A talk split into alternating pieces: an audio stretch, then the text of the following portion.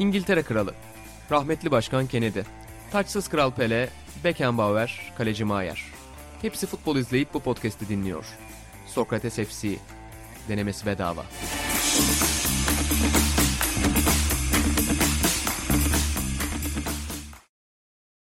Sokrates FC'den herkese merhabalar. Ben İnan Özdemir, Buğra Balaban ve İlhan Özgen'le birlikte futbol gündeminin hakikaten de bu sefer nabzını tutacağız. Yani programımızda bazen tarihe, bazen güncele, bazen kendi bulduğumuz konsept konulara gidiyoruz bildiğiniz gibi ama futbol gündemi şu anda hem güncel anlamda hem de tarihsel anlamda çok dolu. Öncelikle Başakşehir Paris Saint Germain maçından başlayacağız. Arkasından da biraz 80'lere uzanacağız. Paolo Rossi ile birlikte, Paolo Rossi'nin ölümüyle birlikte. O bölümde biraz zaten bu ay 80'ler sayısı da çıkarmıştık bildiğiniz gibi. 80'ler futbolunun özelliklerine de değinmeye çalışacağız. Biz her zaman olduğu gibi söyleyelim efendim feedimizden takip edebilirsiniz diye. Hem Sokrates Podcast'tan takip ediyorsunuz zaten hem de Sokrates FC feedinden Spotify'da, Apple'da ve diğer uygulamalarda. Oradan da özel olarak takip edip sadece bizim programların yayınlanma sürelerini görebilirsiniz. Çok uzattım bu girişi de ama Atahan olmadığı için rahatlıkla yapabiliyorum. Atahan'ı bu haftalık bence çektik ve Burak ve İlhan'la birlikteyiz. Öncelikle hoş geldiniz beyler. Selamlar. Atağını tahminlerinden dolayı kenara çektik bu hafta. Şampiyonlar Ligi tahminlerinden değil mi Aynen. baba? Aynen. Evet sizin üçünüzün minik bir iddiası olmuş sezon başında. Atalanta, Liverpool ve Ajax arasında. Kaybedenin bir daha Ben programa arada- gelmeyeceğini söyle. Ben hatırlamıyorum bu arada Muhammed ama. Atahan da hatırlamıyordur zaten. Bir arkadaş hatırlatmış galiba sağ olsun Atağını. Yoksa o da hatırlamıyor. Bu arada ben geçen hafta şeyi andıktan sonra işte bizi 10 bölüm 12 bölüm dinleyenleri andıktan sonra birçok insan çok teşekkür ediyorum. Herkese tekrardan şeyi yolladılar. İşte 12 bölüm arka arkaya Sokrates FC dinledin. İşte bu sene 48 dert dinledin. Çok teşekkür ediyoruz onlara da bir kez daha. Bu Spotify yılın karnesi muhabbeti bizi çok mutlu etti. İsterseniz direkt olarak gündemden girelim. Irkçılık konusu şu anda spor gündeminin ülke ocakları ve bilimum Twitter hesabının gündeminde şu anda Türkiye'de ırkçılık çok yoğun bir şekilde tartışılıyor. Başakşehir Paris Saint Germain maçında tabii ki olaylar oldu. Seyircilerimiz biliyordur ama bilmeyenler için Burak çok ufak bir özet rica edeceğim senden. Yani Başakşehir Paris Saint Germain maçında ne oldu? UEFA ve yetkililer buna nasıl bir reaksiyon verdi? Kısaca senden bir giriş rica edeceğim. Şöyle özetleyeyim inan. Ben de aslında o maçta değildim. Messi, Ronaldo'nun belki de son maçı olan Juventus Barcelona maçını izliyordum ama bir anda ortalık kaynamaya başlayınca geri alıp Bean Connect'ten izledim. Bir itiraz yani bir faul durumu sonunda hakem düdüğünü çalıyor. Beklerken yandan bir uyarı geliyor. Dördüncü hakem uyarıyor ve Başakşehir yardımcı antrenörü Vebo'yu atmasını söylüyor orta hakeme. Dördüncü hakem Rumen hakem fakat orada kullandığı yani Vebo'yu seçmek için kullandığı kelime İngilizce'de bu malum kelime diyeyim. Zaten birçok kişi biliyordur. Afro-Amerikalıların duymaktan çok hoşnut olmadığı o kelimeyi kullanıyor. Hakemin savunması Rumence'de siyah kelimesinin negru şeklinde telaffuz edildiği ama ona da aslında güzel cevabı Dembaba veriyor. O engamede Webo ilk başta tepki gösteriyor. Sonrasında onu duyan ekip işte Okan Buruk da başta olmak üzere tüm Başakşehir Kulübesi'nin tepkisi oluyor. Hem diğer oyunculara işte Neymar'ı, Mbappe'si ve diğer Paris Saint Germain'li oyunculara mevzuyu anlatıyorlar. Bir yandan orta hakemi anlatıyorlar.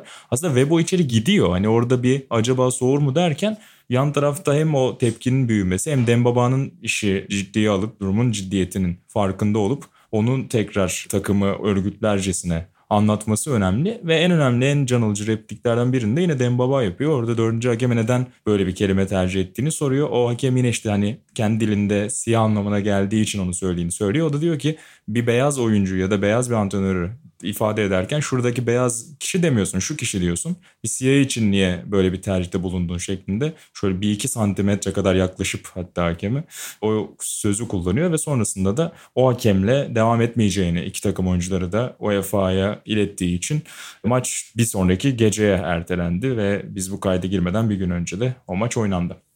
Ve açıkçası yani biz geçen sene yanılmıyorsam Atahan ve İlhan Baba'yla yine bu ırkçılık gündemi üzerinden tartışmıştık. Hangi maç olduğunu şu anda hatırlayamıyorum kusura bakmasın seyirciler. Ama orada şeyi konuşmuştuk yani sahada özellikle ırkçılığa, ayrımcılığa verecek tepkilerde birçok zaman hatırlarsınız. Futbolcuların suçlandığı ya da futbolcuların canhıraş bir şekilde ikna edilerek sahaya döndürüldüğü birçok örnek hatırlıyoruz. Yani çıkmayın işte sahada mücadelenizi verin işte gözyaşı döken, sinirlenen, asabı bozulan birçok futbolcunun devam et işte en iyi cevabı sahada ver gibi bir his içerisinde yani o aslında bunu istemiyorken zorlandığını görmüştük. Ve orada da konuştuğumuzda yanlış hatırlamıyorsam yani içimizden biri kim olduğunu hatırlamıyorum. Buna çok yoğun bir şekilde artık daha sert bir tepkinin verilmesi yani takımların beraber olarak tepki vermesi hatta kurumların beraber tepki vermesinin çok daha isabetli olacağını söylemişti. Gerçekten de burada olayı ikonikleştiren şey ki Jose Mourinho da aynı şeyi söylemiş. İki takımın birlikte hareket etmesi oldu. Yani son dönemde sosyal haklar futbolda çok tartışılıyor. İşte İngiltere Ligi'nde, diğer liglerde, NBA'de gördüğümüz gibi işte George Floyd'un canice öldürülmesinden sonra çok yoğun kolektif tepkiler verilmeye başlandı. Ama UEFA arenasında da böyle bir tepki verilmesi, UEFA'nın kurumların da burada sporcuları cezalandırmak yerine ertesi gün bu maça alternatif bir çözüm bulmaya çalışması, orada ikna çabaları içerisinde eminim sahaya dönmelerini de istemişlerdir iki kulübe karşı ama ne olursa olsun ertesi gün bir şekilde bu maçı oynatmaları, oynatmaya devam etmeleri ve farklı bir şekilde bunu yapmaları bence futbol adına önemli bir şey olabilir. Çünkü son 2-3 senede yani bu sene taraftar olmadığı için çok görmüyoruz ama İngiltere'de ve İtalya'da tekrardan ırkçılık vakalarının çok arttığını gördük. Yani 80'lerde itibaren işte futbolun kolektif hafızasında çok daha tartışılan bir şey bu konu ama son 2-3 senedir ciddi anlamda bunda artış olduğunu görüyoruz. İlhan Baba sen nasıl yorumluyorsun? Yani sen değişim yönünde bunun iki takım beraber hareket etmesinin önemli olduğunu düşünüyor musun? Yani ikonik bir şey, hatırlanacak bir şey ama yani bu insanların zihnini değiştirmek, kültürü değiştirmek adına ne kadar etkili olur bilmiyorum. Hani şey gibi korona sonrası artık dünya eskisi gibi olmayacak falan. yani hep hayalimizi aslında gerçekleşmesi için alet ediyoruz böyle şeyleri diyelim biraz ağır bir şekilde. Yani o kafa yapısını, o bakışı ben en son şeyde çok fena olmuştum misal. Yani o kadar mı olur diye hatırlıyorsunuz Lukaku'da biz Caner abi ve Kaan'la bir podcast yapmıştık Lukaku olayından sonra. Inter maçında Lukaku'nun ilk geldiği sene sanırım. Hı hı. Abi Inter taraftarları yazdı ya. Kafanı takma biz onu rakibi moralini bozmak için söyleriz. Sana öyle demek istememişlerdir falan diye. Kendi taraftarından böyle mektup aldı adam yani. Hani ya o İtalya'da mesela öyle bir şey var. Ya niye üzülüyorsun? Biz seni oyundan düş diye yaptık onu. Art niyetimiz yok ki. Bu düşüncede olan bir insana bu mesajın nasıl alınmasını beklersin ki? Aa takımlar tepki verdi. Kendimize bir çeki düzen verelim. Hani bu zihniyetteki bir insanın bu mesajları alabileceğini çok zannetmiyorum bilmiyorum yani dünyanın da gidişi, seçilen liderler, ülkelerin durumları, ülkelerin durumlara bakışları diyelim. Bu açıdan ortalığın rahatlamasını beklerken daha da alevlenecek şeylere yıllar geçtikçe olaylara meydan vermeye başladı. O yüzden yani ben biraz karamsarım bu konuda cidden. Bilmiyorum. Ben şöyle bir yani, faydası olabileceğini buyur, düşünüyorum. Buyur. Kusura bakmayın sözünü kestim bir yandan Can'ın dediğine katılmakla beraber bir yandan sadece siyah demiş olsa da aslında bunun da hani ince bir ırkçılık olduğunu artık yani birçok insan belki günlük hayatında böyle düşünmezdi ama bu olayın böyle büyük bir yangına dönüşmesi ha bak demek ki bu konuda da hassasiyetleri var. Böyle hani herhangi bir konuda bir şeyden bahsederken herhangi bir renk ibaresi, ırk ibaresi kullanmamak mantıklı herhalde diye en azından ufak bir günlük hayatta insanların aklına ikinci bir düşünce sokması anlamda ben faydalı buluyorum. Yoksa bir anda o olay oldu ve bundan sonra ırkçılık %50 oranında azalacak gibi bir şey tabii ki olmayacak ama en azından buna kafa yoran, düşünebilen insanların ha evet bak bunu da aklında olsun diyemesi açısından bence faydalı. Ya ben de o kadar şey, ince düşünen insanların baba. son 10 yıldır çok daha dikkatli olduğunu düşünüyorum. Bilmiyorum. Belki de bunu edebi eserlerde falan da konuşuruz yani biraz hassasiyet hatta benim bazen eleştirdiğim seviyede bir hassasiyet olmaya başladı sinemada ya da edebiyatta. Hani o hassasiyet durumu 10 yıldır fazla gündemde. Hani Buğra'nın dediği şey çok doğru. Elbette insanlar öyle düşünmeli ama o raddede aklına bu gelen insanlar zaten son 5-10 yılda hele spor camiasında hele dünyada yaşananlardan sonra son 2-3 yılda bu konularda artık hassas olduğunu olacağını düşünüyorum zaten. Ama yani hakem Roman hakem gibi duruma bakan insanların yani dün birkaç tane şey bile gördüm. Yani ne var? Adamın dilinde siyah demekmiş. Ya zaten sorun orada yani. Hani bu insanların durumunu bu insanların ona nasıl tepki verdiğini belki biz içinde bulunmadığımız için anlam veremiyoruz ama bu konuda hassaslar. Yıllardır hassaslar ve bunu dile getiriyorlar. Bilmiyorum ya. Yani çözülebilecek bir mevzu mu bilemiyorum. Beni aşıyor. Yani çok da umutlu değilim açıkçası. Bir de orada şöyle bir durum var. Hani kendi dilinde bu anlama geliyor olsa bile zaten uluslararası bir hakemin uluslararası bir maçta ne olursa olsun söyleyeceği ya da kullanacağı ifadeleri düzgün bir şekilde seçmesi de o görevin bir parçası. Artık yani hakemler çok daha dikkatli olmak zorunda. Sonuçta hakemler her zaman mikrofonlarını zaten hafif duyabiliyorduk ya da dudak okuma yöntemiyle birçok kez diyalog gördük oyuncularla hakemler arasında. iki yönlü diyaloglar var. Geçmişte de İngiltere Ligi'nde hakemlerle oyuncular arasında ırkçılık üzerinden tartışmalar çıkmıştı. Hangi hakem hatırlamıyorum şu anda ama ne olursa olsun yani bir uluslararası hakem olarak senin zaten orada dikkatli olman lazım. Yani sen zaten birinci olarak iş etiğini orada harcıyorsun. Profesyonel anlamda bir yanlış yapıyorsun. İkincisi de sosyal anlamda bir yanlış yapıyorsun. Ama tabii ki daha genel bir problem var burada. Yani biz son 10 senede 15 senede internetin burada artıları ve eksileri de olmuştur. Belli anlamda bilinçlenmelerin eserlerde artıları ve eksileri olmuştur ama insanlar dile hassas bir şekilde yaklaşmanın insanların zihniyetini, gündelik yaşam pratiklerini de değiştirebileceğini düşünüyorlar ve pek çok anlamda da iyi örnekler görüyoruz burada ama maalesef tarih çok çizgisel bir şekilde ilerlemiyor. Yani döngüsel bir şekilde tekrar ırkçılığın ve ayrımcılığın hortladığı çok fazla vakada görüyoruz. Tabii ki bunun temel sebebi insanların Bizim toplumumuzda da bu çok var. Ekonomik anlamda, sosyal anlamda, kültürel anlamda insanlar kendilerini mutsuz hissettikleri zaman, hayatlarından memnun olmadıkları zaman bir günah keçisi arıyorlar ve toplumlarda da genelde o toplumların azınlıkları konumundaki insanlar bundan zarar görüyor. Yani Türkiye'de de aynısı var. Türkiye'de insanlar her zaman başkalarına fatura etmeyi tercih ederler. Daha o toplumun aslında yıllar boyunca hor görülen, ezilen kesimlerini çoğu zaman kendi mutsuzluklarının bir günah keçisi olarak görürler. Ama o akşam baktığımızda Paris Saint Germain Başakşehir maçı akşamında baktığımda şaka yapıyorum ama trajikomik bir şey tabii ki. Yani Türkiye'deki herkesin hiçbir ayrımcılık ve ırkçılık yokmuş gibi kınama yarışı vardı. O da bir yandan çok komik tabii yani çok iki yüzlü. Tabii ki bunu birçok kişi dile getirdi. Biz burada çok orijinal bir fikir söylemiyoruz ama ya olay öyle boyutlara gitti ki bir gün sonra ben baktım. Hakikaten yani Türkiye'de iktidarın çevresindeki hesaplara, yazarlara, gazetecilere baktım. Ki ne söyledikleri çok önemli mi? Değil artık. Ama çoğu yani son dönemde Fransa'da yükselen ırkçılık dalgası işte sağları da yansıdı diye haber ve analiz yapıyordu. Yani işte zaten Cumhurbaşkanı da söylemiş. Macron'un politikalarının bir sonucudur bu demiş. Yine çevresindeki birçok yazar gazeteci söylemiş. Yani Türkiye'de de aslında tartışmanın ırkçılık değil yine ben bunu nasıl kendi siyasi ikbalime göre eğip bükerim yarışına dönüşmesi çok trajikomik. Bir yandan evet burada bir çözüm umudu var ama bir yandan en ufak bir fırsatın bile böyle bir siyasi ikbal, bir siyasi gelecek için bir yapı taşı olarak, yol olarak kullanılması çok da rahatsız ediyor beni bir yandan. Burak sen ne diyeceksin bu konuda onu merak ediyorum. Ya sen güzel özetledin. Muazzam bir ikiyüzlülük gibi geldi bana. Birkaç gündür okuyup özellikle o gece kitabı Fırtına ama sonrasında da sarktı dediğin gibi. Yani biz bunun benzerini bu iki yüzlülük kısmına parantez açacağım. Benzerini aslında geçen yıllarda o sarı yelekliler eylemleri sırasında da gördük mesela. Orada da yine Hı. Fransa'daki polis şiddetini kınamak üzerine müthiş bir yarışa girmişti hatırlıyorsun. Benzer bir cena.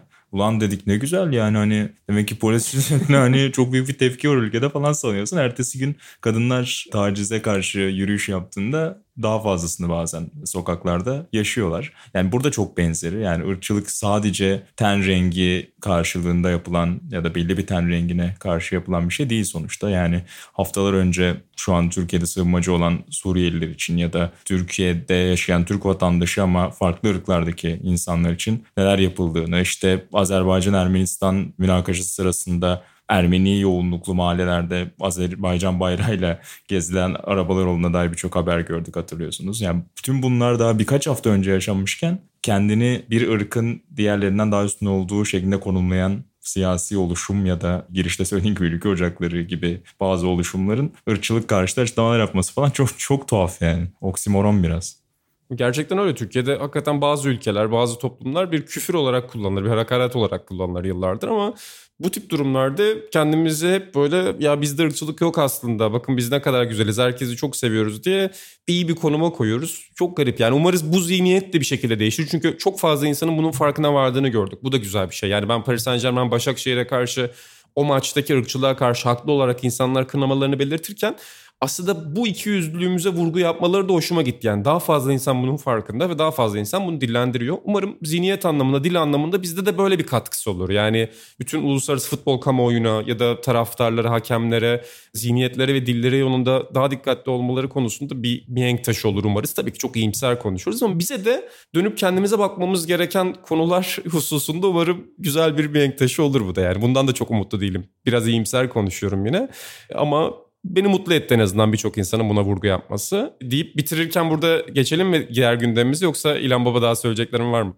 Güzel dedin. Ben de Türk halkının kendiyle yüzleşme konusunda pek başarılı olduğunu hiçbir zaman düşünmedim. Bu mevzularda da dediğiniz gibi zaten hani sadece siyahi insanlara bizim bir ırkçılığımız yok gibi görüyorlar. Hayır ırkçılık sadece siyahilerle olmuyor. Yani daha farklı şeylerle kendi azınlığına nasıl davrandığına da ilişkili bir mevzu. Oraya işte detaylı düşünüp hareket edememe durumu var. Bir de olumlu düşünme, iyimser düşünme durumunda genç arkadaşlarımız için, yaşı küçük arkadaşlarımız için. Şimdi ben 10-15 yaş arası böyle çok maç izleyen, en futbol maçı izlenen dönemdir ya o zaman. O dönemde bir çocuk için Dembaba'nın açıklaması zihinde kalıcı, bu durumla ilgili çok iyi özet niteliği taşıyan, hassasiyeti çok güzel dile getiren bir konuşma ve iyi ki Twitter gibi diğer sosyal medya mecraları da var. İyi kullanıldığı zaman böyle güzel şeylerin deşifresi, maç içinde o an neler olduğunu deşifresi çabucak oluyor ve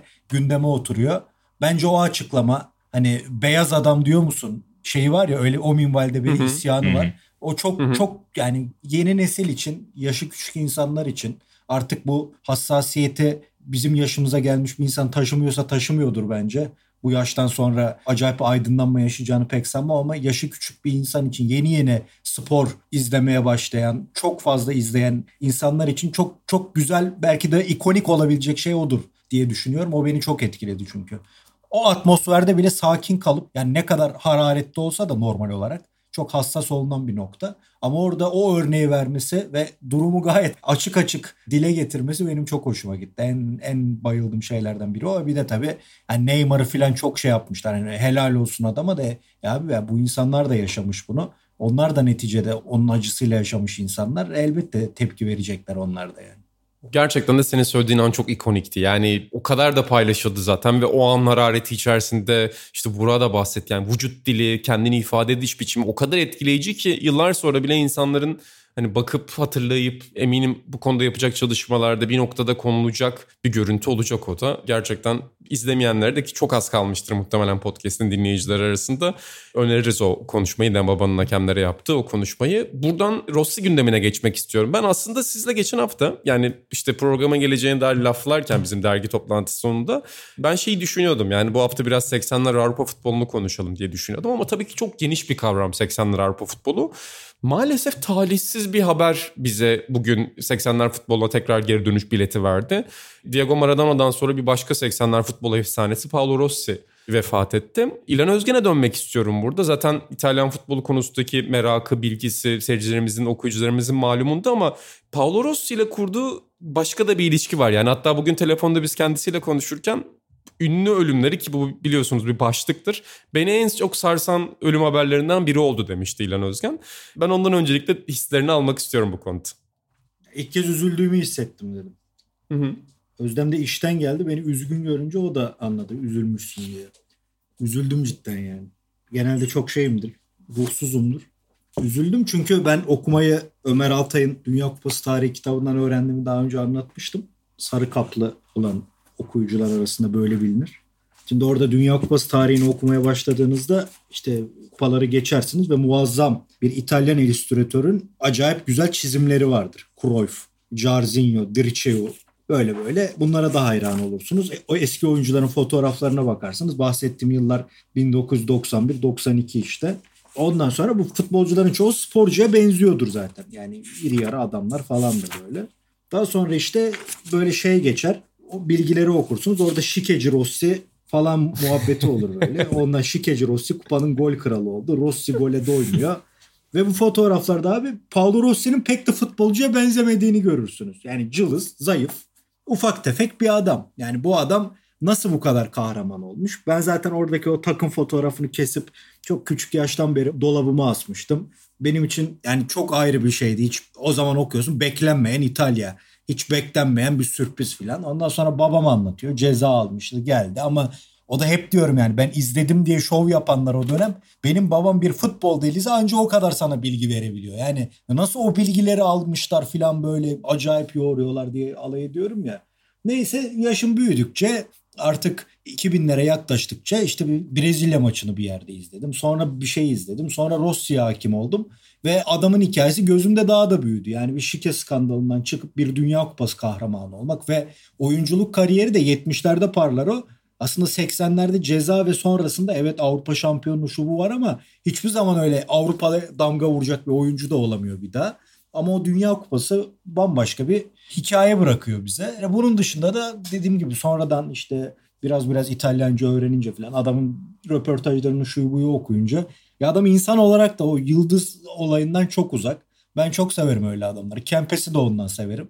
Buna Batistuta mı sen mi diye soruyorlar. Ya benim dönemim geçti artık. O futbol oynuyor onu konuşalım diyor. Bu egosu yüksek olmayan adamlara çok hayranlık bırakır bende. Bir yandan da öyle bir adamdı. Çok tatlı bir adamdı ve hani en son bir bağ, bahçe işindeydi böyle hani otel gibi filan. Oraya gidip bir röportaj yapma planım filan da vardı. Yani o da suya düştü ama dediğim gibi vefatı da yani ilk defa üzüldüğümü hissettim. Geçen Maradona podcastinde demiştim ben bu kadar üzülenlere şey yapamıyorum çok. Ya gene duygusal tweetler açacak kadar tabii üzülmedim de yani ama ilk defa üzüldüğümü hissettim bir efsane futbolcu için. E, Burak burada sana dönmek istiyorum. İtalya'nın bendeki yerinin çok büyük olmasının da payı var elbette. Burada zaten özellikle şike sürecini de birazdan detaylı soracağım size. 82'yi soracağım ama e, Burak senden de genel bir görüşünü alayım. Çünkü yakın zamanda siz geçen sene yaptınız yanılmıyorsam. İlan Özgen'le birlikte 82 Dünya Kupası üzerine özel bir YouTube Senior Ne Diyor bölümü de yapmıştınız. Sen hani Paolo Rossi'yi nereye koyuyorsun o dönemin futbolcuları arasında ve haber sonrasında tweet de atmıştın gördüm. Neler düşünüyordun?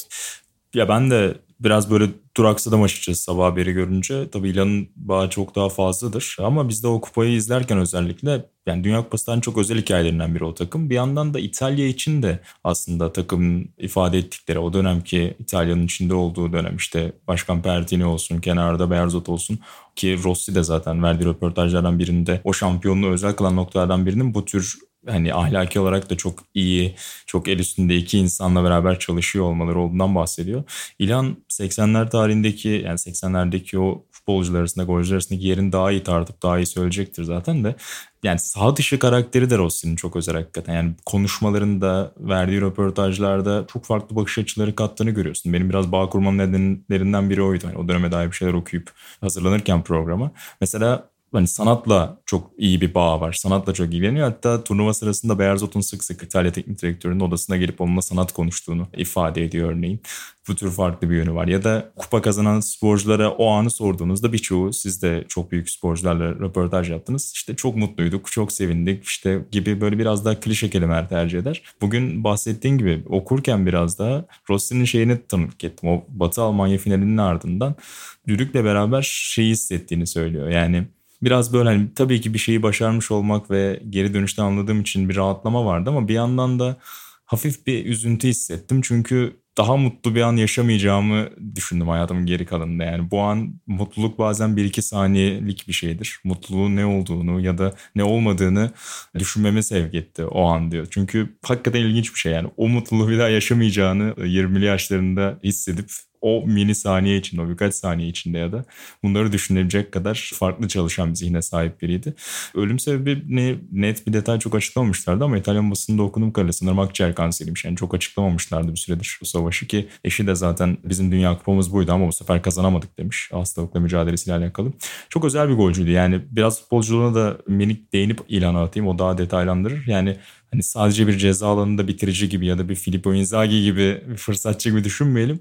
ya o hani özellikle kupayı izlerken de bir şekilde görüyorsunuz. Hani grupta dediğiniz gibi iki yıllık aralarından döndüğü için çok hazır görünmüyor ama sonrasında işte Conte'yi açtığı alanlar, onlara duvar olduğu pozisyonlar, sürekli koşu gösterip savunmayı hırpalaması çok komple bir oyuncu aslına bakarsan. O fizikten beklemeyeceğin şekilde. O yüzden o anlamda da hakkını teslim etmek lazım. Orada bu arada Buğra benim replimi çaldığın için şu anda sana kızgınım ama yani Paolo Rossi'ye dair söyleyebileceğin tek şey vardı. Ben de bugün o bahsettiğin röportajı izledim hmm. YouTube'da. FIFA'nın röportajı o kadar güzel bir röportaj ki. Yani seyircilerimiz 4 dakikasına ayırsınlar lütfen.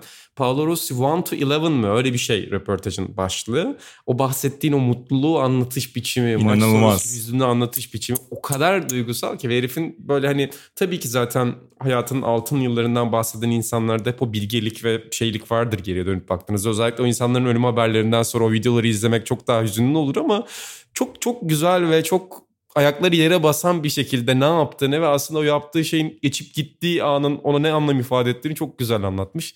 Çok hoşuma gitti. Ama oyuncu özellikleri açısından söylediğin şeyler çok önemli. Burada İlhan Özgen'e döneceğim ben. Önce hani oyuncu özelliklerinden istersen sen de Burak'ın bıraktığı yerden bahset baba. Sonra da bu Totonero üzerinden 82 öncesine gidelim. Arkasından da 82'yi konuşalım biraz. Öncelikle şeyi söyleyeyim. Yani hayatımın en mutlu anı bu olacak dediği adam yani bilmeyen arkadaşlar için daha sonra İtalya şampiyonluğu, kupa galipleri kupası, Intercontinental Cup, Süper Kupa, Şampiyon Kulüpler Kupası kazanacak yani. yani hani bunlar da var Juventus'ta da. O çok hatırlanmayan İngiliz yazarlar da merak edip de izlemediği İtalya dönemi olduğu için şeylerin çok fazla gündeme gelmeyen Juventus takımı Platini röportajında da ben hususi bu soruyu sordum. Bence çok az anılan bir takım, çok büyük bir takım. Avrupa'nın 80'li yıllarının başına Liverpool'la birlikte ki o Liverpool bence artık zayıflayan bir takım ki Roma finali gibi hiç hak etmedikleri finaller var. Oraya çok damga vuran bir Avrupa kulüpler düzeyinde bir Avrupa takımı. Onun da parçası gezici santrforu diyelim Paolo Rossi. Oyun stili o abi yani şimdi insanlar Dünya Kupası üzerinden bazı oyuncuları kodluyorlar. Gert Müller bunlardan biridir altı pasta dururdu ve her yeriyle gol atardı. Hayır abi Gert Müller oyun içinde izlediğinde Buğra da izledi işte birçok maçını. Set içinde pasör özelliği çok kullanılıyor herifin. Hani genel futbolcu özellikleri iyi bir futbolcu Gert Müller. Ondan sonra bu da öyle. Ya 82 izlemişler dururdu ve sinsice bekler golünü atar giderdi. Hayır abi Paolo Rossi 78 Dünya Kupası'nda esas büyük performansıdır. Ki 82 İtalya sürpriz oldu diyenler de 78'e büyük ihtimal izlememiş olanlardır. 78'in en iyi takımı İtalya'dır. Santrfor'da Vicenza ile birlikte lig ikinciliği yaşayan sağ açıktan bozma Santrfor Paolo Rossi'dir. Gezicidir ve İtalyanlar o 70'lerde Catenaccio'yu artık sorgulayıp saf Catenaccio'yu sorgulayıp yavaş yavaş Cici Radice gibi, Trapattoni gibi hocalarla yıkarken Bearzot da bu adımlardan birini atıyor. Savunma sistemine biraz zonamista dedikleri alan adam adama karışık yapıyorlar. Mesela eskiden Cici Riva gibi topu kaleye vurmak üzerine kurulu beyinler varken Santrfor'da artık daha paylaşan alanlar açan santrforlar kullanmaya başlıyorlar. Zaten o sistem 4-3-3-3-5-2 geçişli böyle garip bir sistemdir o Catenaccio dediğin şey. Orada sol kanat oynayan oyuncular Prati gibi, Boninsenia gibi burada Graziani oynar misal aslında Betega oynar 78'de. Bunlar santrfor özellikle oyunculardır. Yani sağda işte Fantazista denen Conte gibi, Causio gibi yetenekli kanatlar oynar. Rossi hamlesiyle Beyerzot bunların hepsinin hareketli bir oyun yapısı içinde bulunmasını hedefliyor ve 78'de bu göze en hoş gelen takım olarak İtalya var orada. Bunu başarıyor. 80'de Rossi ceza alınca Rossi'nin eksikliği çok belli olur zaten o kupada. Pruzo gibi büyük bir golcü varken Pruzo çok ceza sahası golcüsüdür o misal. Ondan çok faydalanamıyor misal. Yani böyle bir golcünün, böyle bir santrforun onun ne kadar sistemi için önemli olduğunu Euro 80'i izleyince görüyorsunuz. Sonra 82'de 3 yıllık cezası 2'ye indiriliyor. 2 Mayıs'ta mı ne ilk maçına çıkıyordu. Liam Brady asist yapıyor hatta buna gol atıyor. Ondan sonra ben Mayıs'ta ilk maçına çıkmış adam kupaya geliyor. Kupanın ilk maçtan da hayalet gibi gezerken daha sonra Brezilya maçında gol atıyor ama Arjantin maçında o hareketli verkaçlara giren alanlar açan oyuncuyu görüyoruz. Daha sonra da işte Brezilya maçıyla Rossi hikayesi başlıyor. Peki o Totonero'dan bir ufak da sana soracaktım. Yani bu ay dergide Milan yazın üzerinden biraz bahsetmiştin. Tam olarak Rossi'nin oradaki rolü ne? Abi Totonero dediğin şey İtalyanların yasa dışı bahis olayı. İki tane herif var. İsimlerini unuttum şimdi. Bir tanesi şey restoran sahibi öbürü de meyve sebze satanlara ne deniyordu ya unuttum. Kabzımal mı? Kabzımal ha kabzımal. Restoran sahibi olanın dükkanına Lazyolu oyuncular falan çok gelip gidiyor. Bunlar bu yasa dışı bahis işinde diyorlar ki biz bu oyuncuları tanıyoruz özellikle Lazyolları. Oyuncuları kafalayalım onlara paralar verelim maçların sonuçlarını belli edelim. Buradan da parayı götürelim. Çünkü o dediğim gibi şeyde Totonero yasa dışı bahis olayı. Bir tane başka onların yasal bahisleri var. Hatta biz şeyle de konuşmuştuk hatırlıyorsan. Söyle şunun adını. John Foot'la konuşurken o da anlatmıştı. Kulağında radyoyla İtalyan erkekleri vardı habire Hı hı. E, maç dinleyen radyodan. Çünkü Toto Calcio denen bahis şeyine sarmıştı hepsi. Bütün İtalya zengin olmak isterdi onunla filan gibi. Toto Nero da bunun yasa dışı olanı. Bizde de var bunlar zaten biliyordur bahis oynayan arkadaşlar. Adamlar böyle bir plan yapıyor ve özellikle Lazio'lu oyunculara kafaya alıyorlar.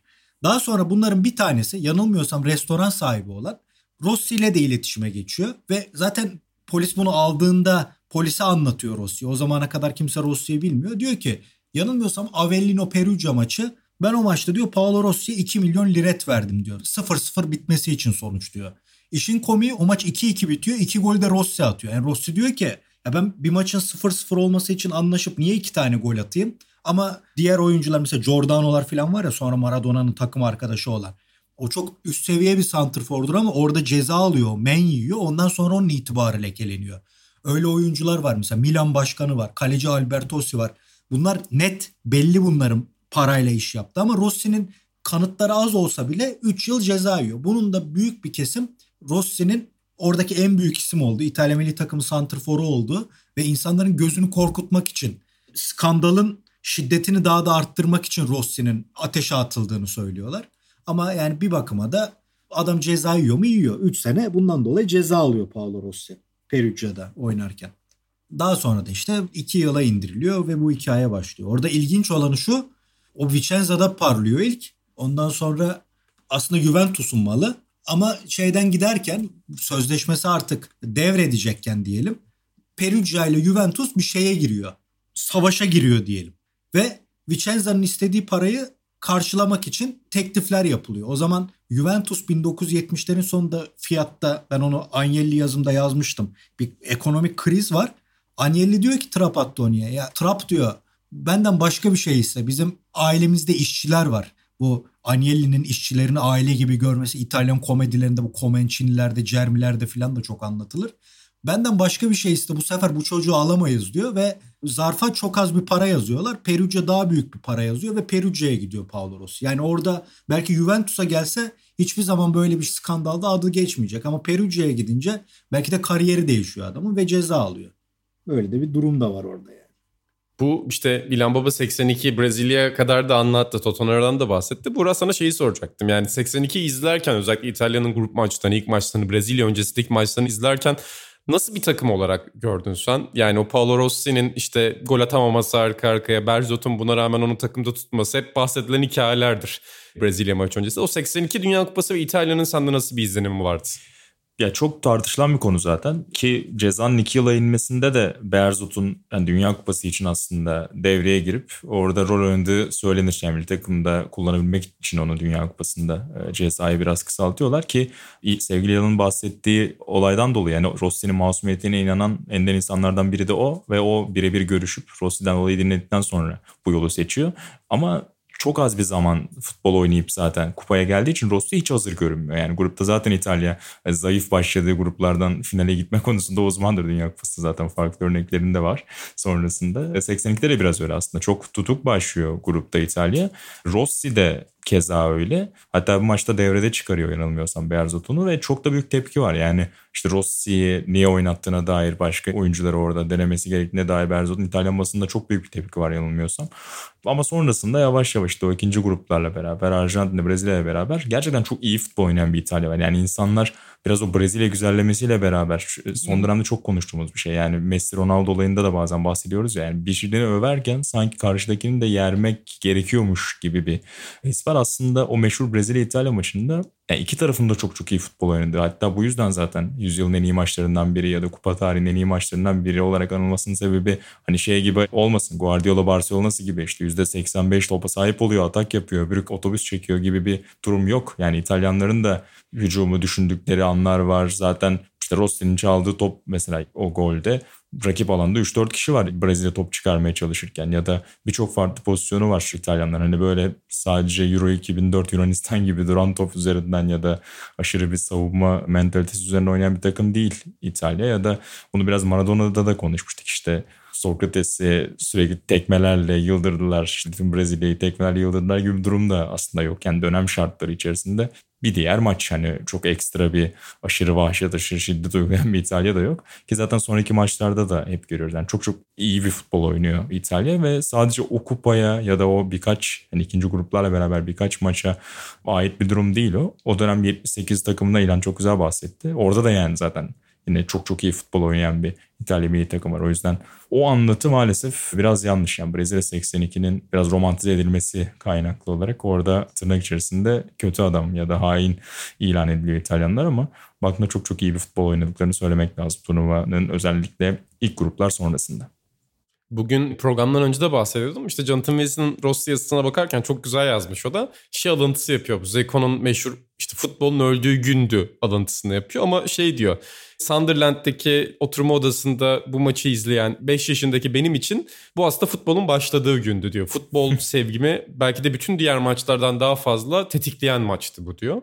Hakikaten de siz de herhalde izlerken İlhan Özgen'e de soracağım burada. Yani gerçekten de en ikonik maçlardan Ki- biri değil mi Dünya Kupası Ki tarihinde? ilana verirken çok kısa bir şey ekleyeyim. Bugün Rossi'nin vefatının ardından paylaşımda bulunanlardan biri de Brezilya'nın o takımının en kıymetli parçalarından orada Falcao şey demiş. Zamanında onun yüzünden Brezilya ağlamıştı ama şimdi onun için ağlıyor. Çünkü işte pes etmemeyi, saha içindeki iştahı bize gösteren oyunculardan biriydi diye anlatıyoruz. Yani Brezilyalılar da bir nefret objesi olarak bakmıyor yani aslında Rossi'ye. Koskoca Falcao böyle diyor mesela. Buyur İlhan. Otobiyografisi de odur zaten. O Fatto Piangere il Brasil. Brezilya'yı ağlattı. evet Rossi'nin. Sonra Çok bir iyi başlık bu arada. bir de kredi kartı reklamı vardı. Brezilya'da tıraş oluyor. Adam kredi kartını alıyor. Paolo Rossi'yi görüyor. Bir anda küçüklüğüne 82'ye dönüyor. İşte Zico, Sokrates, topuk pasları. Sonra Paolo Rossi diye bir adam çıkıyor kabrenin ortasıyla. Bu çocuk ağlamaya başlıyor kenarda. Sonra Paolo Rossi çıkıyor şeyden. Dükkandan Zidane geliyor. Öyle çok güzel bir reklam vardı. Ben de Brezilya'ya gittiğimde biliyorsunuz Dünya Kupası izlemekten çok kendimce 82'nin sözlü tarihini yapmaya çalışmıştım kaldığım muhitte. Orada da kimle konuşsam yani Türkiye'deki kadar insanların hiç üzülmediğini görmüştüm. Yani o gün bir İtalya bizden iyi oynadı yendiler. O takımımız çok güzeldi ama olmadı diyorlardı. Ama biz de babam üzüldü, amcam üzüldü, halam ağlıyordu. Biz de ağladık. Yani garip garip hatırlıyorlar. Yani bir takım iyi bir kaleci, iyi bir santrfor, iyi bir savunma oyuncusu ve iyi bir orta saha çıkardı diye sadece iyi bir acayip iyi bir orta saha grubu olan bir takımı yendi diye suçlu oluyor. Anlamadım yani. Hani Brezilya'nın kalecisi kaleci değil. Savunması arızalı ki ben hep söylerim 86'daki Brezilya takımı komple daha iyi takım. Bir tek Zico abimiz, Zico babamız yok. Santrfor'unda Kareka var. 82'de Sergio diye bir adam var. Yani Graziani denen Sakar bile ondan iyi santrfor. Altovelli denen Sakar bile ondan iyi santrfor. Paolo Rossi net ondan iyi santrfor. Ben babamı da hep kızdırırım. Kareka olsaydı görürdün der. Ben de ya Bettega yoktu İtalya'da diye kızdırırım babama. Ben bu bakış açısıyla ilgili Jonathan Wilson abimizin çok güzel demiş. Benim de örneğim babamdır. Babam da İtalya'dan bu yüzden çok nefret ederdi. Sonra yıllar sonra ESPN Klasik'te bu maçın HD'si düşmüştü eskiden YouTube'a. Ben de hemen indirip babamı beklemiştim gelsin yanımıza diye. Ondan sonra babam geldiğinde İstanbul'a oturup maçı izledik. Ve babam şey dedi kabrinin ortasından sonra. Ulan Conte'nin ayak dışı pası kabrinin erken ortası herif oraya sızmış. Biz bunları 20 yaşındayken delirdiğimiz için doğru düzgün görememişiz. Adamlar bayağı top oynamış ya filan. Yani o İtalya'nın kadrosuna falan bugün bakınca hiç öyle 2004 Yunanistan gibi az şartlarla çok iş yapan bir takım yok. Az imkanlarla. Bayağı takım şunu o. da söyleyeyim baba. Yani benim en ilgincime giden nokta şu şu anda geri dönüp bakınca. Mesela ben de hep Dünya Kupası merakım olarak hep söylerim ya işte ilk okuduğum bir Dünya Kupası kitabı beni bu işe merak saldırdı diye. Eskiden de çok böyle severdim eski Dünya Kupalarının gollerine falan bakmayı. İlginç olan şey şu mesela 82'ye dair her şeyden çok Paulo Rossi Brezilya maçı biliniyor. Yani popüler kültür anlamında da bu maçın önemi. Mesela ben bugün şeyi düşündüm. Golden sonra işte Paulo Rossi'nin gollerini izliyordum. Brezilya İtalya maçına bakıyordum özetlerine. Şeyi düşünüyorum. Mesela ben İtalya'nın yarı finalde kimle oynadığını bilmiyormuşum. yani hani İtalya'nın orada da gol atıyor oynadığı Paulo Rossi. takım o maçta ne olduğu hiçbir fikrim yok. Ama Paulo Rossi Brezilya. Bu bilgi mesela kafama bir noktada kazınmış. Yani futbol tarihinin herhalde en çok bilinen şeylerinden biridir o maç ve o goller. Kesinlikle canım. Çok büyük ikonik olay abi. Herif ceza almış. Ertelenmiş.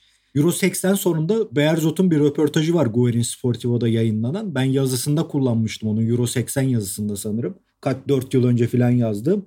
Bir sorunumuz yok ki bizim diyor. Sadece Rossi'miz yoktu. Yani o kadar tapıyor ki Rossi'ye. İşte Pruzo eleştirilmesinin sebepleri onlar. Pruzo Roma'nın santrforu işte o dönem daha sonra bir kere daha olacak. İki kere İtalya Ligi gol kralı olmuş. Inter'in fantazistası Becalossi bunları almıyor. Ondan sonra İtalyan basını çok sert Cabrini ile Rossi oda arkadaşı. Orada ikisine eşcinsel yakıştırması yapıyorlar. Mesela Cabrini'nin lakabı Bellantonio'dur. Mastroianni'nin filminden yani o filmi bilenler bilir. Antonio nasıl Antonio? Yani İtalyan basını da hiç ahlaklı değil. Zaten bir süre sonra orada Beyerzot'un efsane bir olayı var. Duvar örüyor. Yani sadece Zof basınla iletişim halinde bütün takımı çekiyor. Zaten basın toplantısında da basınla konuşmuyor Beyerzot. Orada o basını çekmesi hatta Lippi'ye de örnek olduğu söylenir 2006'da Calciapoli'den sonra. Berzot'un taktisyenliği şu buyunun yanında o psikolojik olarak etkisi acayip. Yani takımı basından uzaklaştırıp kupaya kitlemesi ve zaten çok potansiyelli olan bir kadronun hadi Brezilya'yı şansa yendi. Hadi Arjantin'i Maradona'yı döverek yendi. Herkesin bayıldığı Polonya'yı da yendi. Herkesin bayıldığı Fransa'nın diş geçiremedi Almanya'yı güle oynaya yendi. Yani dört tane dönemin çok büyük takımında yenmiş işte adamları. Hangi biri şansı olabilir bunun? O takım gayet iyi bir takım ve antrenörlerin de doğru kararlarıyla Buğra'nın da bahsettiği gibi yani adım adım adım adım çok yükseğe çıkarak bayağı keyif veren bir takım bence o İtalya 82 yani. Siz biraz Platin'de de konuşmuşsunuz. Yani Platin röportajında da bu 84, 86, 82 çok konuşuluyor. O 80'lerin kupalarının da şu anki futbol iklimi içerisinde bir nostaljik açıdan da tabii ki çok büyük bir değeri var ama çok fazla da ikonik maçı var böyle değil mi? Yani sen de hep bahsedersin mesela işte Fransa-Almanya maçı röportajda da sormuşsunuz. Adam diyor ki zaten bir tiyatro oyunu gibiydi baştan sona maça baktığımızda. Buraya burada döneceğim. Hani bu Dünya Kupalarını izlerken 82, 86 ya da 84 Avrupa Şampiyonası gibi şeyleri izlerken senin burada en ilgini çeken kupalardan biri oldu mu 82? Yani genel anlamda 82 sende nasıl bir hatıra bıraktı? İtalya ve İtalya dışından bahsediyorum. Muhakkak öyle. İnan dediğin gibi senior için izlerken biz maç görüntülerini bulabildiğimiz 66'dan başlayıp işte 94'e kadar zaten hepsini izledik ki hani özet ya da final izlemek gibi değil bu bilmeyenler için açıklayalım. Bayağı full maç 90 dakikalık maçları izleye izleye yani bayağı bir ay bir buçuk ay maçı izleyip sonra üzerine konuştuğumuz programlar oluyor bunlar. O yüzden epey bir fikir elde etme imkanı buldum. E, naçizane orada hani puanlama isteyenler de oluyordu. Kupaları da puanlıyorduk. Ve hakikaten 82'nin üzerine koyduğumuz bir kupa pek yok. Yani 74 biraz yakın gibi konuşuyorduk aramızda ama 82'de dediğin gibi yani öyle fazla hikaye barındırıyor ki kupa hani yarı finali finali falan bazen unutuyorsun. İşte sen İtalya Brezilya'dan bahsettin. Onun yanında işte Maradona'nın mesela kırmızı kartı Brezilya maçında olanlar. işte Brezilya'nın baştan sona ayrı şeyi. İtalya'nın kendi içindeki yine rahmetli Rossi'den alıntı yapayım. Binlerce hikaye barındıran bir yolculukta o diyor. İşte Berzot kısmı ayrı, Pertini ayrı ki İtalya tarihi için ayrı bir başkan. İlan belki detaylandırır. Tüm bu hikayeler içerisinde çok özel bir kupa ve oynanan futbol anlamında da çok çok keyifli. Yani işte 2000'lerden sonra biraz daha savunma futbolunun yer yer ön plana çıktığı kupalar işte son olarak Fransa'nın şampiyonluğunda da mesela gördük. Biraz daha kontrollü, vitesi yerinde büyütüp yerinde küçülten takımların da başarıya gittiğini görüyorduk örneğin. Ya da İspanya gibi bir şampiyon gördük mesela 2000'lerin ortasında ama orada da topa çok fazla sahip olup bazen orta sahada geçirdiği, o pas trafiğinde geçirdiği sürenin çok daha fazla olduğu takımlar görmeye başlamıştık ama orada 82'de hakikaten çok fazla keyif veren takım var. Fransa'yı söylediniz Polonya'yı izlemek çok büyük bir keyifti orada Boniek'le beraber. İşte Batı Almanya'nın bazı iyi yaptığı şeyler var. Fransa'yı zaten söyledik. Hani hakikaten kupanın geneli olarak da çok fazla hikaye barındıran herhangi bir maç seçip izlediğinizde ya ne güzel maçmış diyebilme ihtimalinizin çok yüksek olduğu bir kupaydı. O yüzden çok ayrı tutarız biz de 82 diğer kupaların arasında. İlhan Baba sen ne düşünüyorsun 82 konusunda? Yani ben zaten 10 üzerinden 10 verdiğimi daha önce de söyledim. Benim en sevdiğim kupadır. Bunda İtalya'nın kazanmasıyla elbette ilgisi vardır ama tamamen yoktur. Çünkü o Brezilya'da Zico'yu ne kadar sevdiğimi yani bugünkü haber Allah gecinden versin Zico olsaydı ben bu programa bile çıkmazdım herhalde. O kadar söyleyeyim ne kadar sevdiğimi. Ya ben onun için Fenerbahçe'de çalıştırdığı dönemde bütün maçlarına gittim. İdmanlarını bile izlemek istedim falan. O derece severim. O Brezilya'yı da buradan da ne kadar sevdiğim ortaya çıksın. Onları da çok seviyorum. Bayılıyorum izlemeye ama dediğim gibi yani o maçı İtalya hak ediyor. O kadar da romantize etmeye gerek yok. Bu Brezilya olayında da bence şöyle bir durum var. Bu arada diğer oyuncuları da sayayım. Yani Polonya'yı çok güzel dedi Buğra. İngiltere misal. 70'li yıllarda İngiltere insanlar yani Türkiye'den konuşalım. Çok fazla şey yapmayalım ki yaya da biliriz. Dünyada da çünkü 70 Dünya Kupası artık dünyaya televizyonun yayıncılığın yayıldığı kupa. İngiltere 74 ve 78'de ortada yok. Facialar var. 82'de yani bir futbol sever Türkiye'de Liverpool'un, Nottingham Forest'ın, Aston Villa'nın sayesinde duyduğu İngiliz futbolcuları ilk kez 82'de görüyor milli takım formasıyla. Dünya Kupası'nda, büyük organizasyonda. Euro 80'de de varlar aynı benzer oyuncular. Bu açıdan önemli. Çünkü İngiltere kulüpler olarak şatafatlı bir dönemde. E, Polonya desen bence Doğu futbolunun şeyidir ne denir elmasıdır. Doğu'da en sevdiğim Yugoslavya ile birlikte takımlardan ikisidir. Ondan sonra mesela Kuzey İrlanda en iyi dönemini orada yaşıyor. 82 Dünya Kupası'na 86'ya da katılıyorlar daha sonra ama en iyi jenerasyonu 82'de. Ondan sonra Fransa İskoçya. yani 78 İskoçya yaşa yani İskoçya muazzam bir kadroyla oraya geliyor. Rüya takım gibi bir şey. İşte Fransa 78'de topraktan kafayı çıkarmış 58'den beri uluslararası seviyeye çıkamayan milli takım. 82'de artık oturmuş kadrosuyla acayip orta sahasıyla oraya geliyor. O açıdan çok şenlikli bir kupa ve buradan da İtalya ortaya çıkıyor. Hikaye orada benim için daha da güzel şey ama hikayenin kalanında yani Brezilya'nın sadece orta sahası için bile izlenecek bir takım. Hak veriyorum üzülenlere ve onu söyleyecektim unuttum. İnsanlar 70'te Brezilya'yı izleyemedi. O büyük Brezilya'ya. Yani bence de kupa tarihinin en vurucu kazananı olabilir o Brezilya. Ama onu televizyondan izleyemiyor. Biz de ilk yayın inan senle yazmıştık. Çok da keyif aldığım bir dosyaydı. 74 Dünya Kupası. Sevgili Ümit Aktan gibi orada görev yapan abilerimizden de fikir almıştık. Yorum almıştık. 74'te Brezilya yani eh gene yarı finale ilk dörde kalıyorlar da yani 78'de Coutinho'nun bambaşka bir Brezilyası var. İlk kez Brezilya 82'de Brezilya gibi. Yani o insanların Pele'nin Brezilyası diye büyüklerinden dinlediği Brezilya ilk kez 82'de bence o tehdidi yaratıyor rakiplerin üzerinde. Ve bu da insanlarda elbette bir coşkuyla yani çünkü Türkiye'de Brezilya sevilir yani. Brezilya gibi oynamak gibi bir şey vardır. Bu coşkuyla turnuvaya başlıyorlar. İşte mesela Sovyetler maçını herkes 2-1 kazandı diyor da orada bir maç 1-0 Sovyetler lehineyken penaltı falan var verilmeyen. Öyle durumlar da var yani. E oradan işte İskoçya'yı yeniyor, Sovyetleri yeniyor, Yeni Zelanda'yı zaten yeniyor. Ve ikinci turda da ilk maçta Arjantin'i yani sürklase ediyorlar. Yani acayip futbol oynuyorlar Arjantin'e karşı onlar.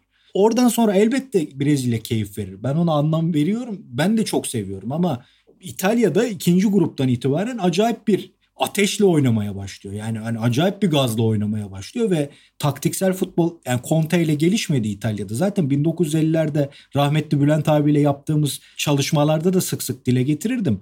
Yani Bülent abi 50'li yıllarda Coverciano'ya antrenörlük kursuna gittiğinde toplu oyun, topsuz oyun, liberol oyun, liberosuz oyun, adam adama kanattaki Allah Destra ne kadar gelecek? Libero ne kadar gelecek? İşte Regista hangi pozisyonlarda yer alacak? Bunların hepsini daha 1953'te 52'de anlatmışlar adamlara. Düşünün yani.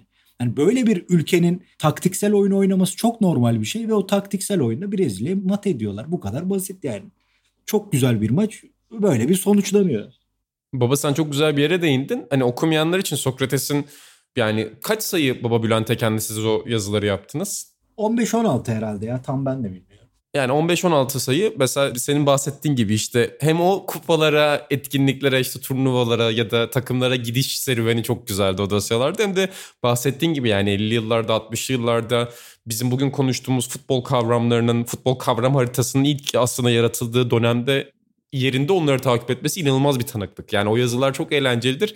Bizim dijital abonelerimiz görmüştür zaten onları eski sayılarda ya da eski sayıları biriktirenler görmüştür. Umarız bir gün gelecek sene içerisinde 2021 içerisinde eski sayılara daha kolay ulaşmanın daha güzel ulaşmanın bir yolunu da bulacağız uygulamayla birlikte. Orada da okumanızı tavsiye ederiz Bülent abinin o eski yazılarını İlhan Baba ile birlikte yaptıkları. Yani Buğra'nın en çok şimdi gene oradan tekrarlayayım. Yani elbette 82 yılında bu maçı televizyon başında izlemek önemlidir ama yıllar geçmiş. Yani ben 94 üzerinden Buğra'ya bunu anlatmıştım. Ben bu maçları izledim. 98'i de izledim ama yıllar sonra izlediğinde farklı şeyler görüyorsun. Ben 82'deki Brezilya İtalya maçını belki 25 kez filan izledim. Yani geçen Maradona İngiltere Arjantin podcast'inde de daha Rossi vefat etmemişti. Acı haberi almamıştık. O zaman da söyledim ne kadar bayıldığıma bu maçı hep söylüyorum. O statta olmak istediğim ilk maç dünya futbol tarihinde. Ama ben bu maçı bu kadar izlememe rağmen Buğra ile izlediğimde farklı bir şey öğrenebiliyorum Buğra'dan. Farklı bir şey gösterebiliyor Buğra bana. Dikkatimi başka bir yere çekebiliyor. Yani maçları yıllar sonra futbol birikiminizle bir daha izlemeniz lazım ki o zaman tam kararı vermek lazım. İtalya yatarak mı kazandı, uçarak mı kazandı diye. Yani ona bir bakmak lazım. Çünkü biz 10 yaşında bir maçı izlediğimizde farklı duygularla izleyebiliyoruz. Ben de mesela Roberto Baggio penaltıyı kaçırdığında yıkılmıştım dünyam kararmıştı ama yani 15 yaşına geldim lan niye kararıyor dedim. Baktım Baggio top oynuyor hala adam. Yani demek ki hayat böyle ya. Kararsa da devam ediyor her şey. Yani buna çok o kadar yıkıma da gerek olacak bir şey yok ortada. Burada iyi bir maç, muazzam bir maç oynanıyor ve hak eden taraf bunu kazanmış. Onun için ve şunu söyleyeyim Buğra o kupayı izlerken hep İtalya'nın o yönünü söylemişti. Yani defans kurgusu falan çok modern abi. Hakikaten yani o futbol o yönden izleyen arkadaşlar sadece o yönüyle bile o İtalya'yı bir inceleyebilirler. Ki bugün o maçın gollerinin olduğu videoyu da paylaşmıştım. Orada bir arkadaşım inan sen tanıyorsun. Sör Şakmak şey yazmış. Ortayı atan Cabrini için. Kevin De Bruyne gibi bir benzetme yapmış. Hakikaten yani bek dediğin adamın o kadar modern bir bek ki hani daha o yıllardan o kadar rahat çıkıp gelip harika bir pas atıyor. Yani aldı at diren bir orta yapıyor. Sürekli o hücumlara katıldığını görüyoruz zaten kupa boyunca. Neyse hikayesi bol İtalya'nın. Bir takımı daha söylemek istiyorum bu arada. Çok fazla takım andı ilan bölmek istemedim. Bir de Cezayir gibi bir takım çıkıyor mesela bazen. Yani rastgele bir maç setsen iyi bir maç çıkabileceğine dair. Macar işte Cezayir en önemli futbolcularından biridir o var. Gruptan çıkamamaları nedeni de işte meşhur Almanya-Avusturya maçının 1-0'a bağlanıyor olması mesela. Yoksa gruptan çıkacaklar belki Afrika futbolu için ayrı bir hikaye. O yüzden çok çok hakikaten özel bir kupa. 82. Ya cidden. Bu arada yani süre, açsa, süremizi de hafiften aşıyoruz baba. Buyuruz en son şeylere girelim diye. İnsanlar 82 Dünya Kupası'nı açsa İspanya Yugoslavya grubundan uzak dursa hani tavsiyem. O grubu sakın açmasınlar. Grupların herhangi birinde seçecekleri maçta muhakkak hikaye çıkar. Bak şimdi ben açtım. Fransa Kuveyt. Ya bu maçın acayip komedi komedi bu mesela yani hani türlendirelim sinema eserini bu komedi. Yani Kuveyt Futbol Federasyonu ile onu şeyhi işte ne oluyorsa o şeyde sistemde hmm. bir karar beğenmeyip yani hakem düdüğü çaldı çalmadı mevzusunda sahaya girip golü iptal ettiriyor filan. Yani garip garip şeyler oluyor. Fransa Çekoslovakya maçında son ana kadar acayip bir stres var. E, aç Belçika Arjantin maçı ayrı bir olay falan. En azından Maradona'yı 8 kişi tutmadığını öğrenirsin. O bir baraj falan böyle. Maradona'nın sonra Macaristan maçında iyi oynaması. İşte Kamerun ayrı bir şey. Misal daha yani Afrika'nın daha aşağılarının ilk piyasaya çıktığı kupa bu aslında. Misal 74'te Zaire vardır ama Zaire daha çok kaç gol yiyecek takım iken Kamerun bir anda ne kadar iddialı olduğunu gösteriyor. O açıdan çok ilginç kupa. İkinci turda zaten tamamen çatırtı kopuyor tabiri caizse. Orası acayip. Orası muazzam yani. Ki ben hiç sevmem oyun stillerini Sovyetler Birliği takım olarak, oyuncu isimleri olarak Dinamo Kiev ve Dinamo Tiflis. Dinamo Tiflis'te kupa galipleri şampiyon. Onların oyuncuları var. Herkese bir şey ifade edebilecek takımlar var. Çok zevkli bir kupa. 74 de aynı şekilde ikinci sırada. Burada son olarak o zaman size son bir şeyi soracağım. Şimdi Brezilya İtalya ikonik bir maç istiyorum sizden. 82 açtım ben. Brezilya İtalya'yı izledim diyelim. İkinci bir maç söyleyin bana ama tek bir hakkımız var. Hangi maç olur bu? O çok belli ya. Abi Fransa Almanya acayip maç. Onu sen veriyorsun bu tavsiye olarak. Tabii tabii Fransa Almanya muazzam maç. Orada da hikaye Burak sende var Orada mı? hikaye bol. Benim ilk aklıma Brezilya Arjantin gelmişti. İlan'ın bahsettiği gibi o. Hem Maradona vakası hem de Brezilya futbol açısından ama tabii yani Batı Almanya Fransa da acayip bir yarı final. Bir kere Sevilla'daki nemi maçı izlerken hissediyorsun. Yani ya o insanlar neler çekmiş o sahada 3 saat boyunca. O kadar bir şey sürüyor maç. 2 saat 45 dakika mı ne sürüyor o maç? Batisto'nun kaburgalarının kırılması falan filan. Platini de zaten sorduğun anda adam duygusallaşıyor. Çok acayip maç ama Buğra'nın seçimi de güzel. Fransa tarihi değiştiren maç dediğin gibi. Aynen. Çok güzel. Güzel yani. tavsiyeleri de Brezilya, İskoçya. O da çok güzel maç. Var epey. Hmm. Peki İlan maçları izleyebileceğimiz bir site var mı? Sokratesdergi.com Evet tekrarlayan Futbolya diye bir site var. bu maçları çok uğraşırsanız Dailymotion, YouTube oralarda da bulabilirsin ama beni uğraştırma diyorsan Futbolya'ya giriyorsunuz. Competition'dan zaten orada World Cup sol üstte duruyor. Oradan istediğiniz kupayı seçip birçok maçı izleyebiliyorsunuz. Rahatlıkla tekrarlayalım. Baba ben olsam yani kapatırken de onu soracağım. Futbol yanın şeyi olsam sahibi şeyi çok isterdim. Atağının futbol iyi senden duyduğu ve sitede gezindiği ilk günkü tepkilerini bir video yapıp futbolcu reklamı yapmaları. Gerçekten viral bir reklam Oo. olurdu. Bu ne? Bu ne? Her şey var. Her şey var diye bağırışı. Ajax da var. Ofiste hiç unutmadığım bir şey. Aynen orada Ajax'ın bütün maçlarını açmıştı zaten. Mesela Ajax'ın da 5 milyon maçı var zaten sistemde. İnanamıyorum diye o şok, şok ifadesi unutamıyorum. Yani benim için futbol yoğudur. Maalesef seyircilerimiz kaçırdı yani. Çok Ve az inan, kişi oradaydı. Şöyle de bir sözü vardı. Ben artık buradan her gün maç izleyeceğim. Sonra izlenmedi. Buradan da bence çekilen isabetsiz tahminleri yüzünden Atahan Altın Ordu'ya selam etmiş olalım. Çok teşekkürler efendim. Sizlerden de 80'leri dinlemek çok güzel bir keyifti benim için de. Zaten ben de bugün maçı tekrar izlerken ki sanki daha önce izlemişim gibi yapmayayım yani. Daha önce Sokrates'in golünü görmüştüm Zico'nun pasını. Bir de Rossi'nin gollerini görmüştüm ama maçı uzun izlemedim.